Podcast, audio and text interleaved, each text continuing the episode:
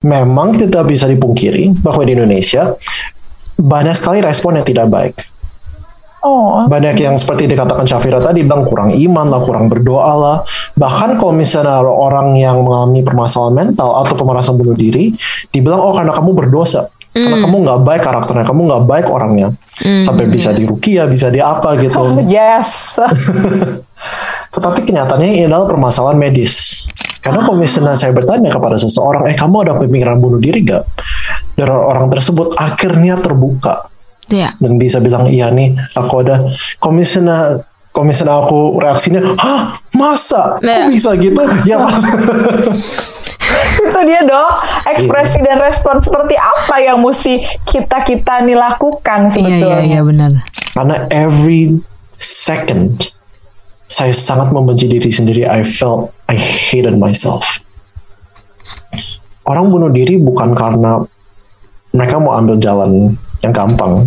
Mereka nggak bunuh diri karena mau ambil jalan pintas, tapi orang bunuh diri karena the suffering is so intense. To Be Honest Podcast. Because it's okay not to be okay.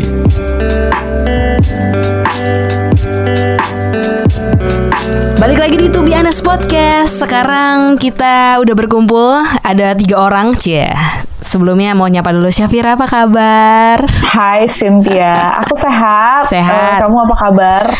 Baik juga Sehat Kalau zaman sekarang tuh nanya sehat eh, Sehat fisik dan juga mental Eh, eh, gitu sehat, sehat. So far sehat. Eh, apa namanya hasil-hasil eh, yang dites tes rutin itu masih, alhamdulillah masih negatif, Oh, karena masih baik- under control. Iya yes. iya iya iya benar. Karena kalau baik terlalu general ya. Terlalu terlalu general. Baik itu general, tapi sehat. Oke. Eh, sehat jasmani, sehat batin. Mudah-mudahan eh, secara emosional Hmm. juga sehat juga ya Sin ya. Benar banget karena kali ini kita bakal ngobrol eh, sesu- sesuatu yang deep ya bisa dibilang gitu. Dan agak sedikit Ya. serius. Mungkin dari episode-episode yang kita sebelumnya kita jauh lebih ngobrolin soal perasaan terus juga ngomongin tentang eh, perjalanan hidup seseorang. Nah hari ini kita bakal ngobrol tentang suicidal thought atau lebih spefi- spesifiknya kita mau bilang jangan bunuh diri gitu Hmm. jadi karena eh, jadi ini berangkat dari beberapa mungkin ya eh, apa namanya teman-teman yang nonton jadi beberapa waktu yang lalu Ya. karena kan eh, kita cukup eh, lumayan kaget gitu ya bahwa ada beberapa artikel di portal media menyebutkan bahwa hmm, negara Jepang gitu ya sampai memiliki satu divisi yaitu kementerian Iya. eh, yang ngurusin tentang kebahagiaan gitu. Betul. karena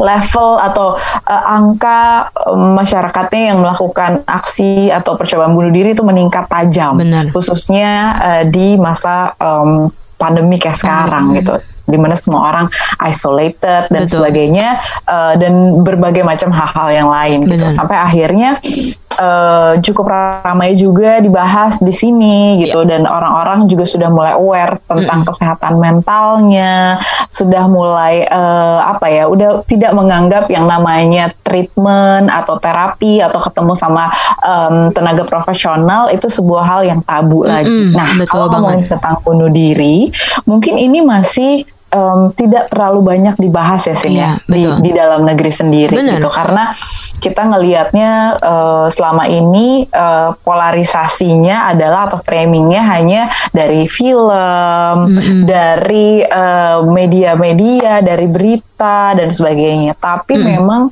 ditutup sekali gitu. Tapi Iya. sebetulnya faktanya adalah banyak banget loh orang yang mungkin kepikiran terlintas ketika sudah ada di lowest point bahkan minus gitu ya Iya.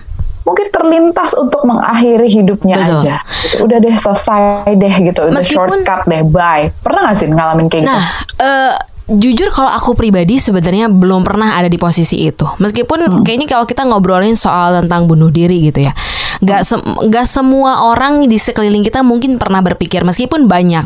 Cuma sayangnya eh, perasaan atau pikiran itu kadang nggak bisa dimengerti dan bahkan nggak nggak diketahui gitu sama orang-orang sekitar gitu dan Betul. kita eh, aku misalnya ya sebagai orang yang mungkin eh, tidak pernah berpikiran seperti itu eh, nggak bisa relate sama mereka yang mungkin eh, hari ini lagi ngalamin sesuatu dan sampai akhirnya berpikiran untuk bunuh diri. Nah, benar, benar itu dia banget. yang mau kita Benar. angkat. eh, sebetulnya apa sih Eh, semata-mata untuk kita tuh belajar eh, bisa lebih berempati sama orang dan kita bisa melihat satu kondisi yang it's real gitu. Itu bukan suatu bercandaan, bukan suatu hal yang eh, jauh dari kehidupan kita karena mungkin orang yang eh, temenan sama kita pernah bah tapi mungkin nggak pernah dibahas aja.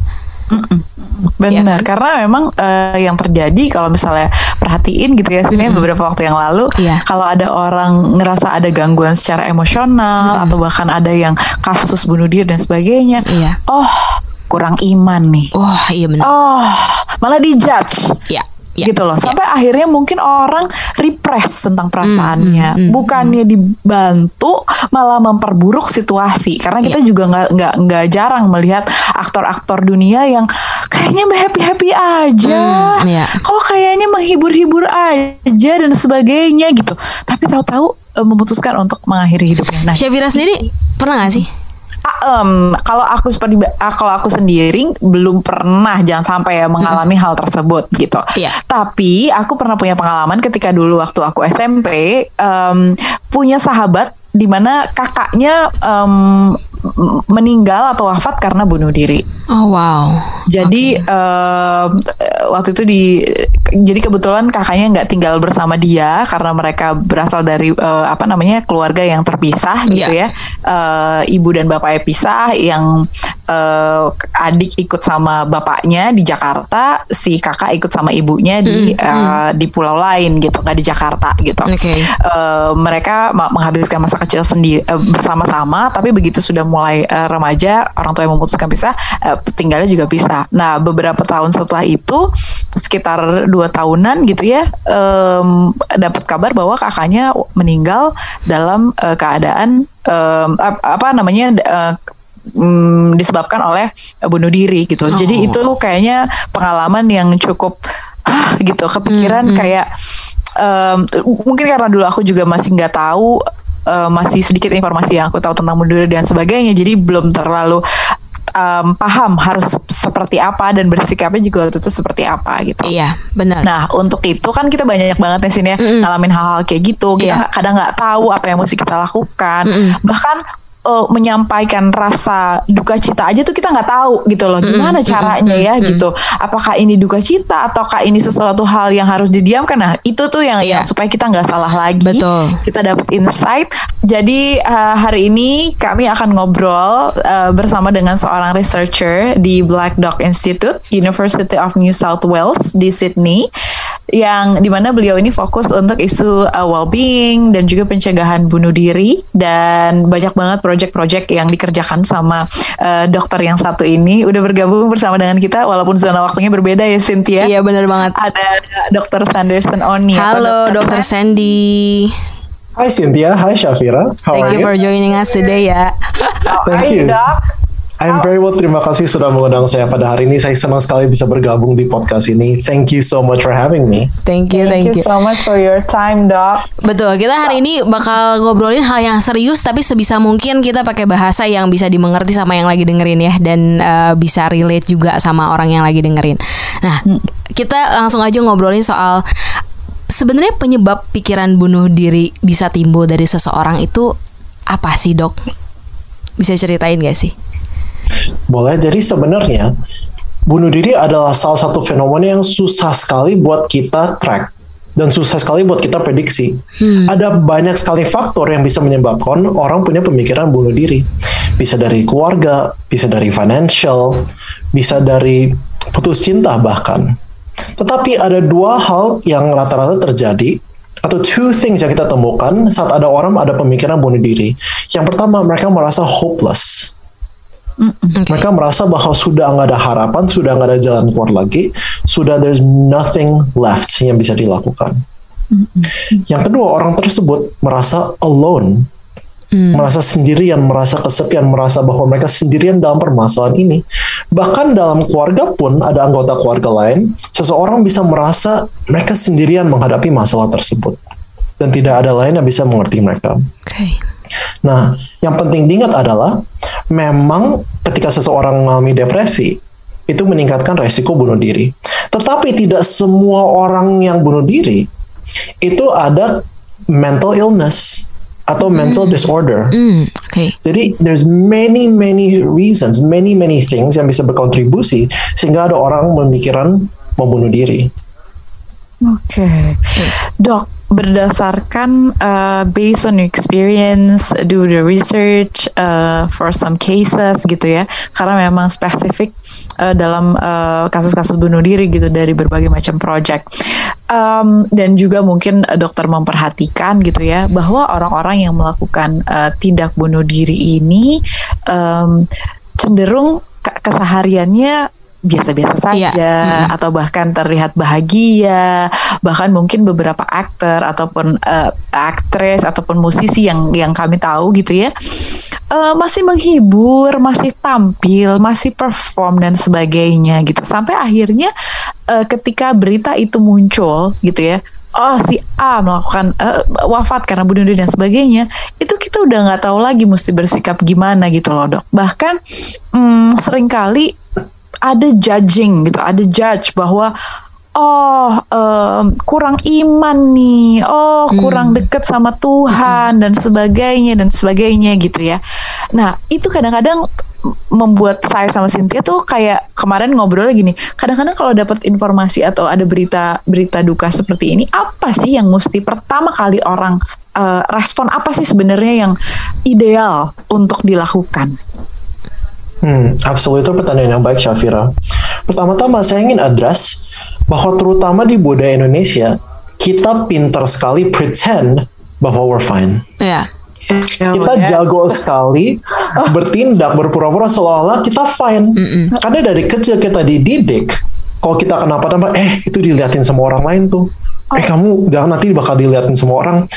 Kita belajar dari kecil bahwa kita harus bertindak, we have to behave berdasarkan opini orang lain.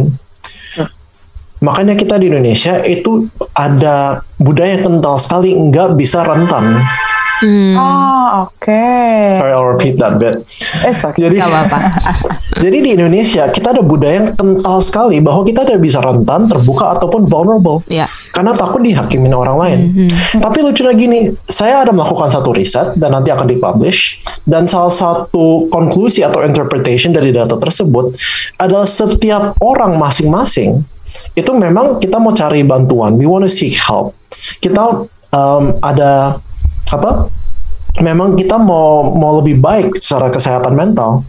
Tetapi setiap orang, every person thinks everyone else is judging them. Wow. Setiap orang itu ada pikirannya masing-masing, tapi mereka merasa bahwa orang lain itu menghakimi mereka. Jadi mis- misalnya kita ada 10 orang dalam ruangan, meskipun 10-10-nya terbuka tentang kesehatan mental, setiap orang ngerasa yang lain, oh aku nggak berani ngomong. Karena takut dihakimi orang lain. Padahal bisa aja semuanya memang mau terbuka. Iya. Oh wow. Sampai separah itu ya dok ya. Exactly. Memang tidak bisa dipungkiri bahwa di Indonesia banyak sekali respon yang tidak baik. Oh. Banyak yang seperti dikatakan Syafira tadi bilang kurang iman lah, kurang berdoa lah. Bahkan kalau misalnya ada orang yang mengalami permasalahan mental atau pemerasan bunuh diri, dibilang oh karena kamu berdosa. Karena kamu nggak baik karakternya, kamu nggak baik orangnya. Sampai bisa dirukia, bisa di apa gitu. Yes. Tetapi kenyataannya ini adalah permasalahan medis. oh. Jadi tidak bisa di-solve dengan hal-hal yang seperti itu. Oke. di mana kalau misalnya kita terus menghakimi orang yang ada pemikiran bunuh diri, maka orang tidak berani terbuka dan seperti dikatakan Syafira tadi bisa aja mereka kelihatan fine, tiba-tiba satu hari sudah nggak ada. They decided to yeah Iya. committed to Saya pernah ketemu dengan orang di mana dia cerita tentang temennya dia yang died by suicide. Dan dia cerita bahwa we thought he was okay. Hmm, hmm. we thought he was fine. Baru aja ketemu kemarin, tiba-tiba he's gone. Jadi kenyataannya we don't really know apa yang dialamin orang. We don't really know what people are going through. Iya. Nah, kalau ada orang ada, tapi ada beberapa tanda-tanda yang mungkin terlihat pada seseorang jika mereka memikirkan tentang bunuh diri. Yang pertama, mereka banyak bertanya atau riset tentang topik tersebut. Jadi ini buat kita perhatikan di orang lain sama diri sendiri ya. oke, ini menarik banget nih. Oke, Kita mesti oke. pay attention nih ya sama Iya. orang-orang itu mesti aware. Oke dok, pertama adalah Pertama adalah kalau mereka sering mengungkit topik suicide dalam their conversations ataupun mereka suka search atau bertanya-tanya soal topik tersebut. oke. Mereka mungkin memikirkan tentang kematian atau Iya. tentang life after death. Kedua adalah orang tersebut mungkin lebih menyendiri. Mereka mungkin merasa mereka lebih apa ya? They look very down. Hmm. Oke. They look very tired. Enggak semua orang yang capek itu punya pemikiran bunuh Iya, diri. nanti Ya, ya, ha, ha. Tapi of course ini adalah signs and symptoms yang kita perlu watch Iya. out for gitu. Orang yang sudah pemikiran bunuh diri, mungkin mereka sudah bikin surat wasiat, will. Oh wow, oke. Mereka sudah bikin, oke, this is what's gonna happen. Ini nanti kalau saya sudah, um, kalau saya sudah meninggal, ini yang akan terjadi gitu. Oke. Jadi sebenarnya tadi harus ditekanin lagi bahwa kalau misalnya kita menghadapi eh, seseorang misalnya ya di sekitar kita yang eh, dia lagi depresi atau bahkan sempat berpikir untuk suicide gitu ya. Kita harus tahu bahwa itu adalah permasalahan medis itu yang pertama. Jadi bukan eh, dosa masa lalunya atau mungkin dia kurang beriman. Terlebih dari semuanya itu ini adalah permasalahan medis yang memang harus diobati, eh, harus ditolong, bukan untuk dikomentari dan dijudge.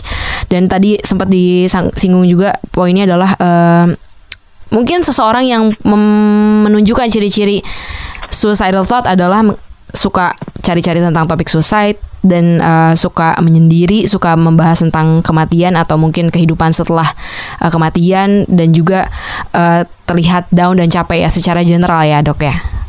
Boleh Iya, betul sekali. Memang salah satu um, sign lagi adalah mereka ini ini menarik sekali nih. Iya. terkadang orang yang ada rencana, ada plan to die by suicide, mereka yang tadinya stres tiba-tiba kelihatan damai. Wow, jadi mereka apa namanya switch gitu They apa switch. situasinya Iya. ya. Oh my goodness. Exactly. Jadi mereka oke. ada peace, mereka merasa oke, okay, seolah-olah I'm at peace with this decision. Ah, Jika itu terjadi, kita harus berani tanya kepada orang tersebut, eh, kamu ada pemikiran bunuh diri gak? Nah, oke. bagi daripada kalau misalnya kita lihat signs and symptoms, Uh-uh.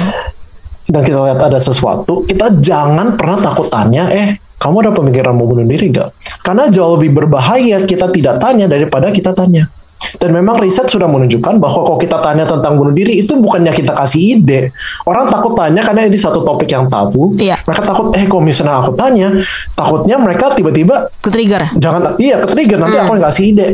Tapi riset menunjukkan bahwa itu tidak terjadi. Justru kita yang ketakutan untuk bertanya. Oke. Tapi kita harus tanya, are you having suicidal thoughts? Karena kalau bagi kita, kita nggak berani tanya, mereka bakal nggak berani sharing. Karena Iya. mereka memandang kita menganggap topik tersebut tabu. Hmm. Wow, aku tuh merasa hmm, apa ya related secara emosional. Maksudnya bukan based on my experience gitu ya dengan suicidal thought, tapi kayak em, orang yang kadang-kadang eh, ada di momen di mana kita repress our emotion because of something happen to us or eh, certain emo apa namanya em, situation gitu ya yang kadang-kadang kita cuma butuh ditanya Iya. gitu loh. Kadang-kadang kita untuk kita butuh ditanya supaya kita nggak ngerasa sendirian Benar. gitu. Karena kalau misalnya kita open up uh, first gitu ya, uh, kadang merasa nanti dia di nanti uh, menjudge, nanti kayak gitu ada kekhawatiran itu.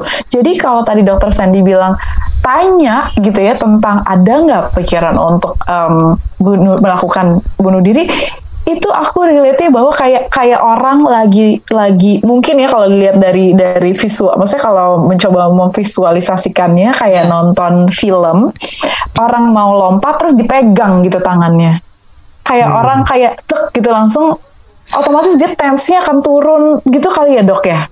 Bi- kayak gitu nggak sih dok? Gitu aku aku eh, em, apa namanya mencoba memvisualisasikan bahwa iya iya gitu. Kadang-kadang kayak anak kecil yang lagi tantrum dan sebagainya kadang didiamin didiamkan gitu ya terus dia bisa lebih lama. Tapi begitu dipeluk di approach dia dia turun, turun, turun dan akhirnya mau bercerita. Itu Iya, yang iya, sama iya. sekali kita nggak pernah kepikiran ya Sin ya untuk Iya, untuk iya. untuk iya ya ternyata bisa ditanya ya. Bahkan gitu. poin itu yang paling penting yang tadi aku sampai catat tuh, jangan takut untuk bertanya.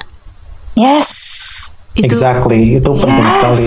Oh Dan sama pentingnya dengan kita bertanya itu adalah reaksi kita. hmm, Karena kalau misalnya saya bertanya kepada seseorang, eh kamu ada pemikiran bunuh diri gak? Dan orang tersebut akhirnya terbuka ya. dan bisa bilang iya nih aku ada. Kalau misalnya aku reaksinya, hah masa? Kok Ya. bisa gitu? ya itu dia dok ekspresi Iya. dan respon seperti apa yang mesti kita kita nih lakukan Iya sebetulnya. iya iya benar. exactly. Makanya kalau misalnya ada seseorang yang share tersebut, itu yang pertama kita harus berempati. Oke. tidak pernah boleh menghakimi karena kok kelihatan ada ada bau menghakiminya maka orang tersebut nggak mau sharing lagi Yes pasti. jadi pertama Langsung pindah adalah lagi. Mm-mm. exactly kita harus berempati dan kita harus calm karena kalau mereka lagi stres kita jangan ikut ke bawah stres Hmm.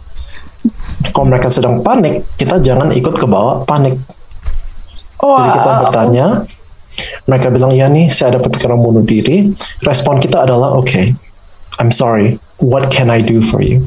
I'm sorry to hear that. Apa yang saya bisa bantu? Nah pentingnya, kalau misalnya orangnya udah cukup stres, kita juga bisa bertanya, kamu ada rencana gak? Sudah bikin plan belum? Oh oke. Mengapa ini bagi kita adalah risk assessment? mm-mm. Oke. Kalau orang tersebut sudah bilang iya nih, saya sudah ada plan. Itu harus ditemenin. Oh, itu harus ditemenin sampai mereka punya stres dan pressure turun ya. Oh my Exactly. goodness. Karena saya pun pernah mengalami sampai titik saya sudah ada plan. Ya. Oke, sebentar. Jadi dokter Sandi pernah punya pengalaman itu sendiri gitu ya dok ya? Exactly, yes betul sekali Shakira. Oh my god.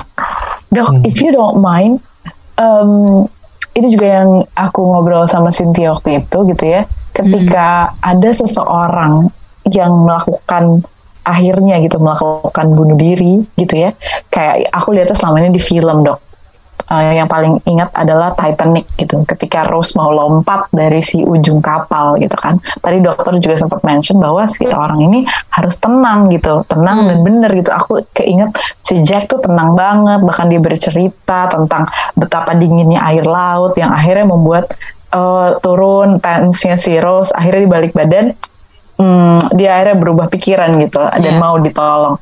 Nah, dok, based on your experience, apa yang pop in in your head atau terus-terusan muncul di kepala ketika pikiran suicide itu um, ada gitu, yang membersamai pikiran itu ada itu apa dok?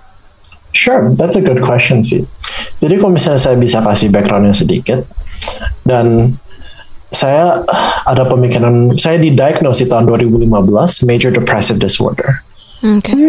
Meskipun saya sendiri psikolog dan sekarang bahkan sudah selesai S3, saat itu saya selama setahun saya harus ketemu terapis. Saya harus ketemu dengan psikolog dan at that time saya benar-benar suicidal, very very suicidal. Sehingga ada satu titik di mana saya duduk lagi di dalam ruangan saya pikir oke, I'm gonna end my life tonight. Oke. Dan saya sudah ada plannya, sudah ada caranya gimana.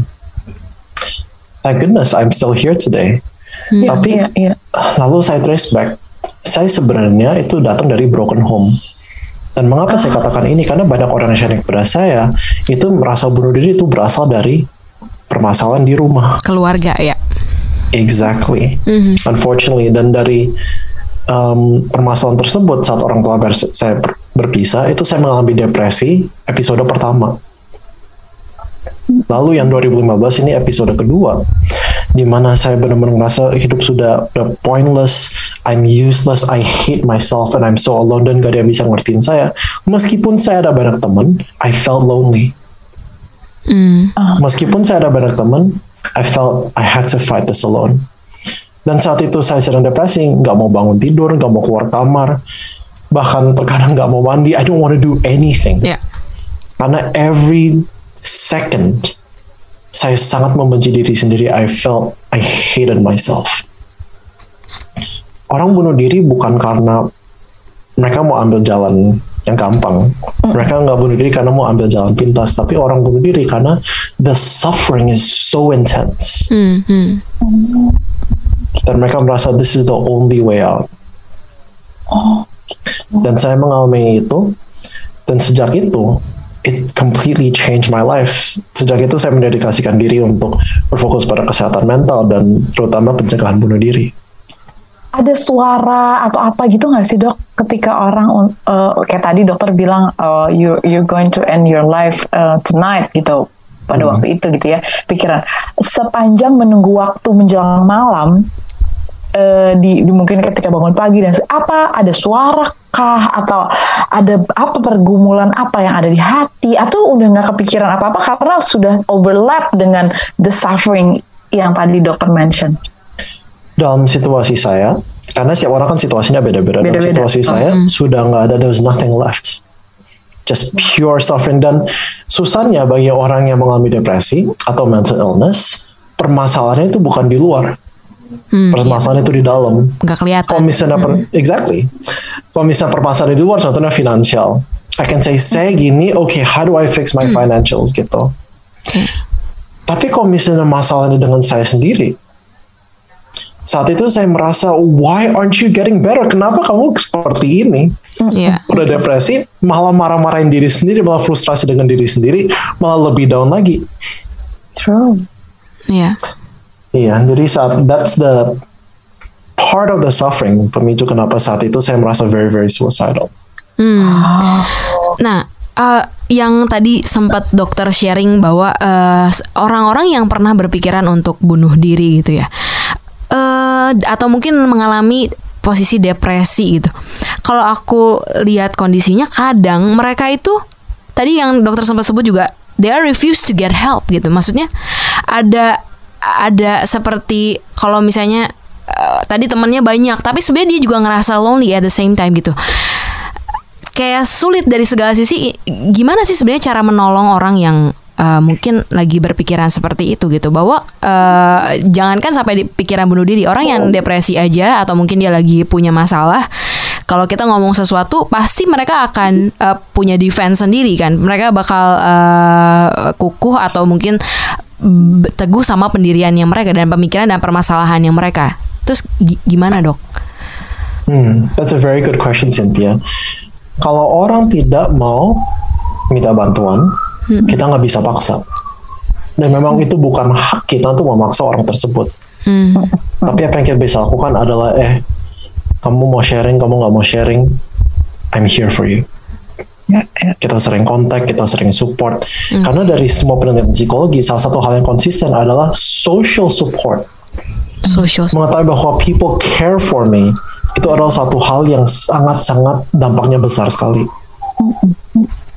Jadi bagian kita bukan memaksa mereka untuk cari bantuan, bagian kita adalah to care for them, to show affection, to ask them mereka gimana kabarnya. Kita terus follow up dengan kita, we respect them. Kita nggak pernah paksa, tapi kita terus follow up. Hmm. Jadi jika ada satu titik di mana kamu bilang, oke, I want to seek help, we're ready.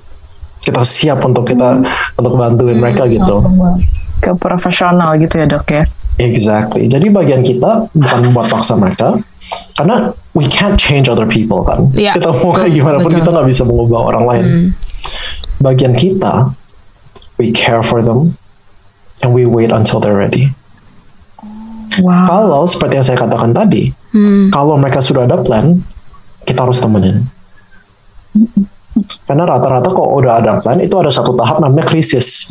Jadi kalau misalnya orang ada pemikiran bunuh diri, seperti saya di tahun 2015, itu konsisten selama berapa bulan, bahkan bisa setahun ada pemikiran itu terus. Tapi rata-rata ada beberapa titik di mana it's very high stress, high risk yang namanya crisis. Itu ada satu terminologi dalam pencegahan bunuh diri di mana orangnya udah ada rencana, oke, it's very high risk. Saat orang sudah mengalami krisis tersebut, itu kita perlu temenin sampai they calm down. aduh And then we think of other ways gitu. supaya orang ketika nanti nggak miss gitu ya dok ya karena mungkin titiknya itu tipis sekali ya dok ya sampai ada di situasi eh, dia apa namanya menuju si eh, level crisis tadi gitu oh my Exactly. god Gila ya, ternyata ngomongin tentang um, suicide, suicidal thought atau uh, committed to suicide dari depression dan sebagainya, ini uh, hal yang sangat kompleks gitu, Iya. bukan sesuatu hal yang cuma sekedar oh i- apa namanya oh iya because uh, depression oh karena apa namanya dia dibully atau misalnya dia nggak happy dari no gitu it's something real gitu. Itu sesuatu hal yang nyata yang dialami sama seseorang dan itu konstan. Bahkan em, elevating gitu ya dok. Terus meningkat meningkat meningkat sampai ketika dia sendiri dan sebagainya. Sampai akhirnya ada di level crisis tadi eh, di mana sebetulnya eh, kesempatan dia untuk ditolong tuh bisa andaikan ada orang yang mau bertanya andaikan ada orang yang mau peduli Iya. andaikan ada orang yang mau memposisikan atau memberikan rasa empati kepada eh, orang tersebut. Nah, eh, Dokter Sandi sebagai seorang researcher, khususnya em, kasus-kasus bunuh diri, selama ini dok, kasus bunuh diri yang terjadi tuh biasanya tuh siapa saja sih? Atau ada nggak sih em, mungkin demografinya gitu? Atau informasi apa nih dok selama ini dari hasil risetnya yang mungkin kita perlu tahu nih gitu? Ya, absolutely. Jadi sebenarnya suicide adalah problem yang sangat besar di Indonesia. Cuman karena dari beberapa tempat, beberapa daerah kita masih belum berani mengakuinya. Contohnya seperti yang di yang diceritain tadi. Em, saya kenal ada seseorang dan ada anggota keluarganya yang meninggal karena bunuh diri. Mereka bahkan tidak ada pemakaman Hmm. They didn't have the funeral karena mereka begitu malunya. Sedih sekali kan dengerinnya. Banget, iya. Dan ada beberapa tempat yang kalau misalnya ada kejadian bunuh diri itu cuma ditangani polisi, nggak ditanganin oleh sisi medis karena belum it's not recognized as a medical issue. Kasus Jadi kriminal. we don't betul sekali kita nggak tahu we actually don't know at the moment sebesar apa problemnya di Indonesia.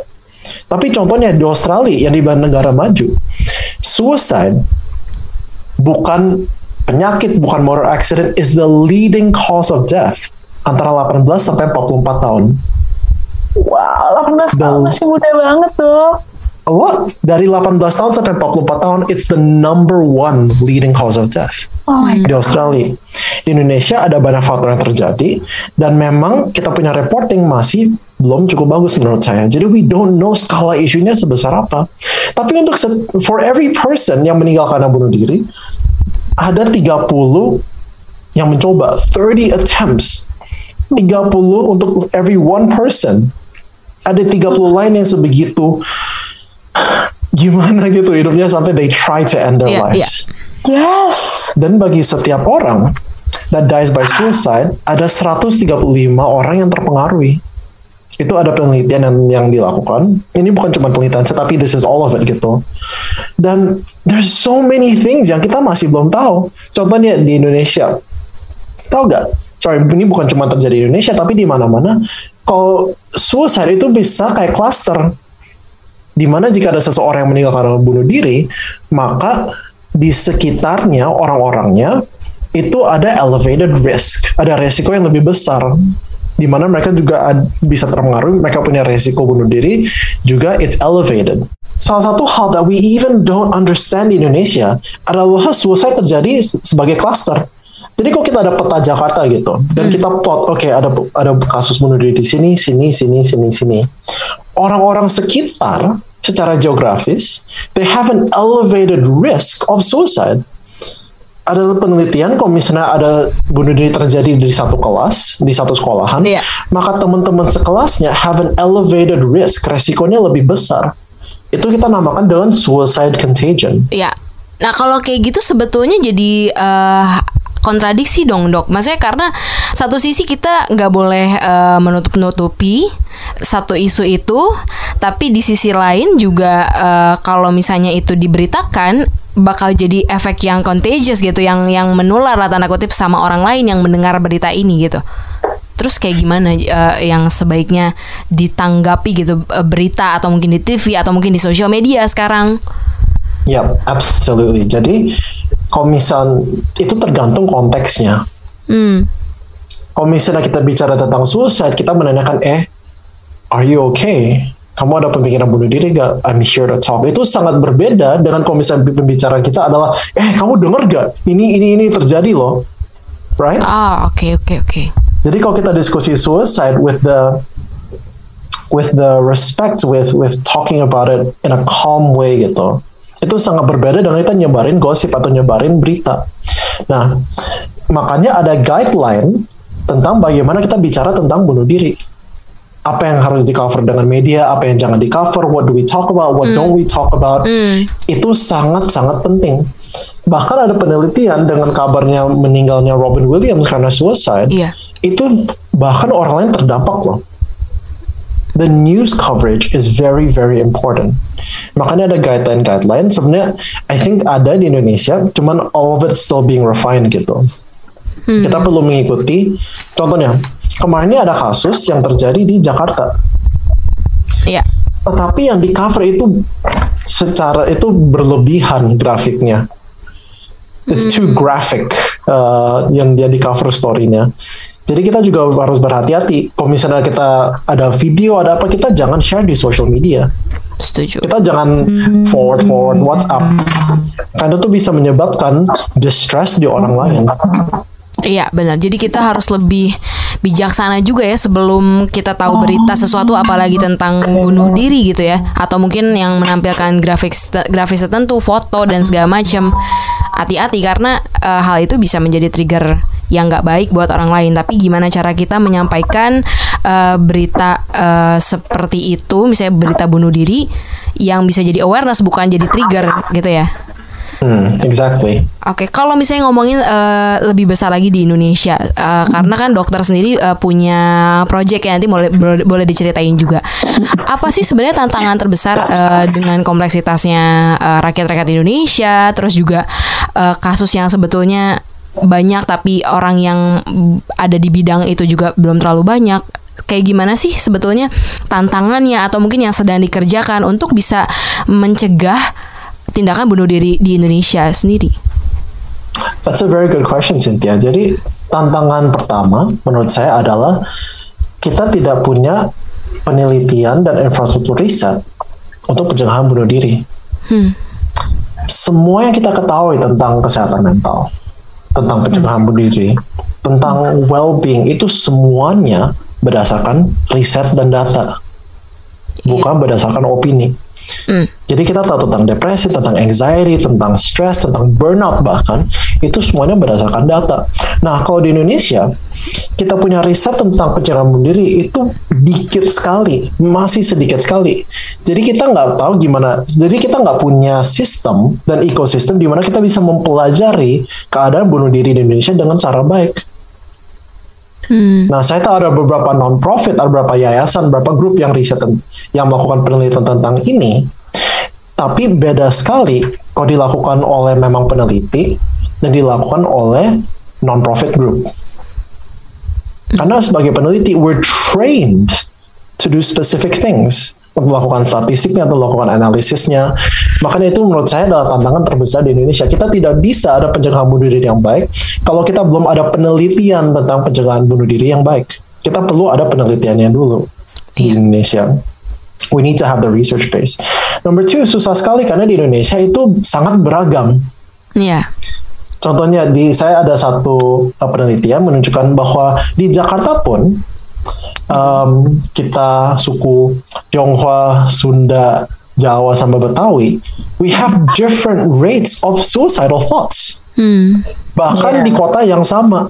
Karena meskipun Indonesia itu satu negara, kita ada ban kita budayanya beragam. We Betul. have different traditions, we have different thoughts, we have different ways of thinking, we have different perspectives. Kita punya different family traditions. And Bahkan education background and everything, right?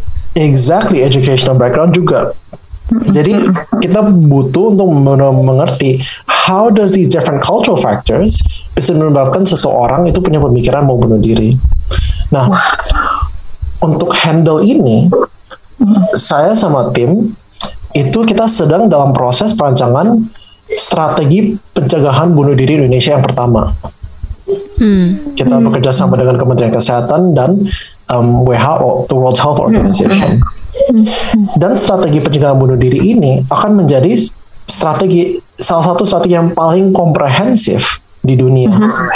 Wow. Karena kita bukan cuma bekerja sama dengan mental health workers, tapi Yeah. kita juga bekerja sama dengan research infrastructure, dengan universities. Kita bahkan bekerja sama dengan PDDI LIPI, Lembaga Ilmu Pengetahuan Indonesia, yang sekarang akan um, dimasukkan ke Ristek BRIN untuk bagaimana kita bukan cuma ada strategi pencegahan bunuh diri, tapi bagaimana kita bisa mensupport riset dalam bidang tersebut. Kita bekerja sama dengan orang dari technology, what are the new and innovative ways kita bisa lakukan ini. Kita bekerja sama dari orang dari media, bagaimana kita bisa involve masyarakat dalam pencegahan bunuh diri. Hmm, ya. Karena kalau misalnya cuma dari top down dari government, maka menurut saya susah sekali untuk implementasi. Tapi nanti rencananya saat ini kita masih dalam proses. Saat kita melakukan perencanaan, uh, kita merancangkan strategi pen- pencegahan bunuh diri ini, kita akan mengeluarkan survei ke seluruh masyarakat dan kita akan katakan what do you think? For every person in Indonesia, kita memberikan kesempatan untuk memberikan input mereka terhadap eh, di dalam strategi tersebut. Eh, gimana caranya dengan perbedaan yang tadi disebutin sama Dokter Sandy, kayak Indonesia orang-orang Indonesia yang banyak sekali perbedaan ya mulai dari agama, pendidikan sampai latar belakang keluarga, cara dan sebagainya. Cara yang paling sederhana untuk approach eh, kepada community itu eh, mungkin yang rentan terhadap pemikiran-pemikiran atau kasus bunuh diri. Gimana cara yang paling sederhana? Um, that's a very great question. Jadi ini dalam tingkat individual ya. Mau dari suku mana pun, mau dari belahan dunia mana pun, Ya. orang itu bisa mengerti when we care for them. Hmm, Itu kita adalah peduli sama bahasa ya, betul. yang yang ya itu bisa melewati it, overcomes all languages gitu. Iya, iya, iya. Saat Wow. kita show compassion, saat kita we show care, Hmm, saat kita we show love, saat kita tanyakan are you okay? Oke. Saya ada satu teman di Sydney dan kebetulan orang tersebut adalah um, orang Aboriginal. Hmm, And unfortunately, orang Aboriginal di Sydney selama berapa waktu yang sangat lama itu karena kolonial dari Eropa mereka, sangat ditindas dan saat ini banyak dari mereka sedang mengalami um, kesusahan yang berat. Iya. Teman saya ini 10 kira-kira 13 tahun lalu dia masih muda, dia ketabrak mobil dan kehilangan kakinya. Hmm, Lalu dia kehilangan kerjaannya, dia kehilangan semuanya. Jadi sekarang dia duduk di depan, dia minta-minta. Soalnya dia nggak bisa kerja. hmm, Saya pernah ketemu dengan beliau. Saya lagi mau pulang, udah malam, dan saya lihat dia lagi ngapain. Karena dia stres, dia juga sering minum. Dan kalau dia minum Ya. suka out of control. Hmm. Lalu saya bicara dengan dia, dan saya lihat tangannya itu berdarah-darah. Hmm, Saya datengin, kamu kenapa? Terus dia kelihatan mabok gitu. Iya. Dia bilang, aku capek hidup. Aku bener-bener udah mau pasrah, aku udah nggak ada harapan lagi. Aku pengen ditabrakin mobil aja. Wow. Dan dia lang karena dia di kursi roda, dia langsung muter dan dia langsung tonjok-tonjok tembok. Jadi saya lihat itu tangannya berdarah karena dia sambil tonjok-tonjok tembok. Dia ingin menyakiti dirinya sendiri. Hmm, Jadi apa yang saya lakukan? Ini lumayan nekat juga sih sebenarnya. hmm, Karena dia lagi pakai kursi roda. Saya duduk, saya pegang depan kursi rodanya dan saya pasang badan antara dia sama tembok. Wow. Jadi dia nggak tonjok-tonjok tembok. Jadi nonjok-nonjok badannya dokter.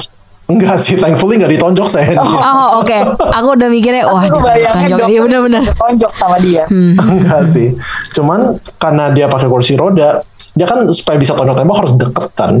Jadi kalau Iya. saya taruh badan, saya duduk di depannya, dia nggak nyampe. Oke. Oh. Saya pegangin selama dua jam saya dengerin. Wow dua jam. Just sitting there gitu. Just sitting there saya dengerin ceritanya dia. Iya. Oh. Dan akhirnya dia calm down, Iya. dia pulang. Oke. Iya. Berapa bulan kemudian, Mhm. dia kontak saya, dia bilang, Sandy, I'm going back into rehab. Hmm. Oh, Saya bakal balik ke wow. rehab. Iya. And I'm telling you now gitu, saya bahkan gak tahu kasih keluarga, because I know you care for me. Oh. Jadi emang baik lagi pertolongan yang bisa kita lakuin sama orang-orang di sekitar kita gitu ya. Uh, tadi poin yang paling bagus banget Bu, uh, dokter Sandy sampaikan adalah kita peduli sama orangnya. Dan tadi iya. aku catat juga uh, poin-poin yang kita obrolin ya. Uh, gimana sih kita tuh bisa menunjukkan respon sama orang yang sedang dalam kondisi depresi atau bahkan memiliki pikiran untuk bunuh diri? Yang pertama adalah empati. Jangan pernah menghakimi orang yang sedang dalam permasalahan hidup yang seperti itu gitu ya. Kadang kita nggak bisa taruh diri kita di sepatunya mereka gitu. Cukup untuk tidak menghakimi itu yang pertama. Terus yang kedua adalah tenang calm. Nah, jangan ya. kebawa panik kalau misalnya dengar cerita atau mungkin dengar permasalahan orang lain. Jangan sampai kayak ya menunjukkan apa ya, ekspresi yang bikin orang lain juga jadi nggak tenang gitu ceritanya. Dan kemudian yang ketiga adalah risk assessment, di mana kita bisa tanya apakah kamu udah punya rencana untuk bunuh diri gitu. Apakah kamu udah ya. memikirkan uh, memikirkan hal itu? Seperti apa kamu memikirkan uh, tindakan itu misalnya? Dan yang keempat adalah social support Jangan dipaksa untuk cerita dan terbuka. Jangan dipaksa kalau memang orang itu belum nyaman, belum mau open up the vulnerability.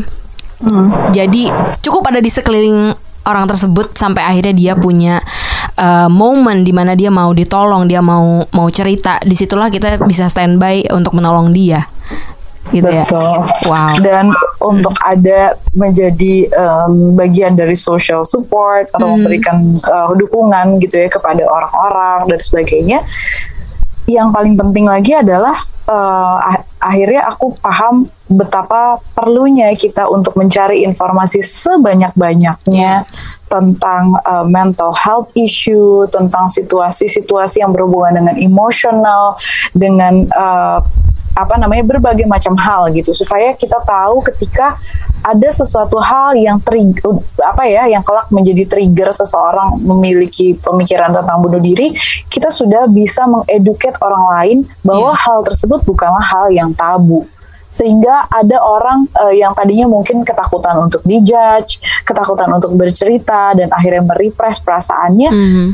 pelan-pelan mereka mau untuk speak up pelan-pelan mereka mau jujur pelan-pelan mereka membiasakan hal-hal untuk membuka atau bercerita tentang situasi emosional mereka dan itu yang mungkin tadi dokter bilang uh, Yasin ya kalau kita mm -hmm. uh, dari awal bahwa kita di Indonesia sayangnya researchernya tuh nggak ada gitu.